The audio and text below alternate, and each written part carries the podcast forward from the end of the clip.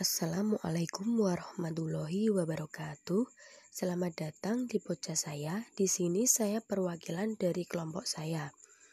Perkenalkan, saya Sherly Afrida Turanda dan ini nama rekan-rekan saya. Wahyuning Sriwijayanti, Salma Nabila, dan Cindy Artika Putri. Di sini saya akan membuat podcast yang berjudul 8 kerajaan yang ada di Nusantara. Kemudian saya akan menjelaskannya di antaranya sebagai berikut. 1. Kerajaan Samudra Pasai Kerajaan Samudra Pasai adalah kerajaan Islam pertama di Indonesia. Kerajaan ini terletak di pesisir timur Laut Aceh.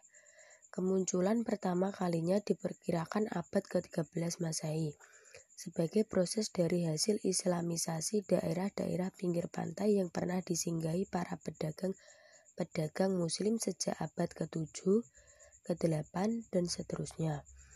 Bukti berdirinya kerajaan ini adalah dengan adanya nisan kubur yang terbuat dari batu granit asal Samudra Pasai. Dan nisan itu dapat diketahui bahwa raja pertama kerajaan itu meninggal pada bulan Ramadan tahun 696 Hijriah yang diperkirakan bertepatan dengan tahun 1297 Masehi. 2. Aceh Darussalam Kerajaan Aceh terletak di daerah yang sekarang dikenal dengan nama Aceh Besar. Di sini pula terletak ibu kotanya. Kurang begitu diketahui kapan kerajaan ini muncul atau berdiri.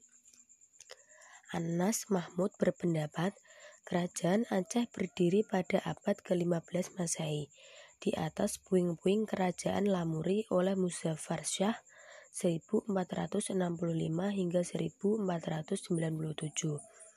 Dialah yang membangun kota Aceh Darussalam. Menurutnya pada masa pemerintahannya, Aceh Darussalam mulai mengalami kemajuan dalam bidang perdagangan karena saudagar-saudagar muslim yang sebelumnya berdagang dengan Malaka memindahkan kegiatan mereka ke Aceh. Setelah Malaka dikuasai Portugis pada tahun 1511 Masehi, sebagai akibat penaklukan Malaka Utara melalui Selat Karimata dari Portugis. Jalan dagang yang sebelumnya dari Laut Jawa ke Sunda dan menyusur pantai barat Sumatera, kemudian ke Aceh. Dengan demikian, Aceh ramai dikunjungi saudagar dari berbagai negeri. 3. Kerajaan Demak Kerajaan Demak adalah kerajaan Islam pertama di Jawa. Kerajaan ini muncul ketika melemahnya Raja Majapahit di bawah pimpinan Sunan Ampel Dinta.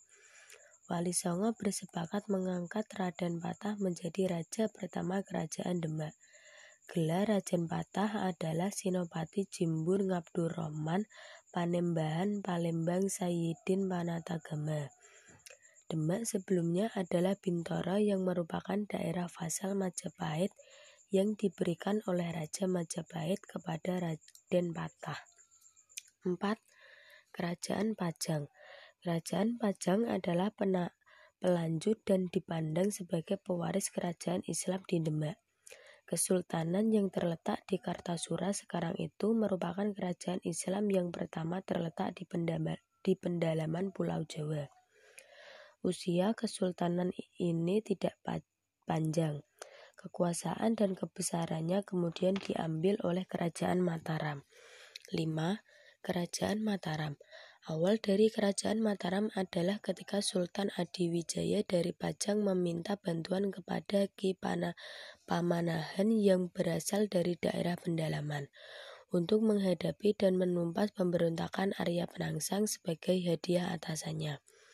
Sultan kemudian menghadiahkan daerah Mataram kepada Ki Panamahan yang menurunkan raja-raja Mataram Islam kemudian. 6.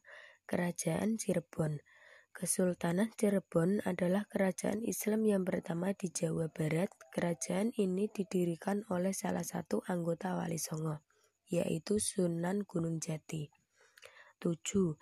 Kerajaan Banten Kerajaan di Banten merupakan perluasan Islam yang dilakukan oleh Kerajaan Cirebon yang dipimpin oleh Sunan Gunung Jati. Perluasan wilayah itu dimulai dengan pendudukan Sunda oleh Sunan Gunung Jati pada tahun 1527 Masehi. 8. Kerajaan Gowatalo dari Sulawesi Kerajaan Gowatalo merupakan kerajaan kembar yang saling berbatasan. Biasanya disebut dengan Kerajaan Makassar.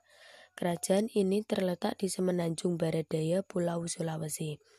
Kerajaan tersebut menerima ajaran agama Islam dari Gresik atau Giri yang tersebar dalam proses islamisasi di seluruh Nusantara. Kemudian kerajaan kembar Guatalo menyampaikan pesan Islam kepada kerajaan-kerajaan lain seperti Luwu yang lebih tua, Wajo Sopeng, dan Bone.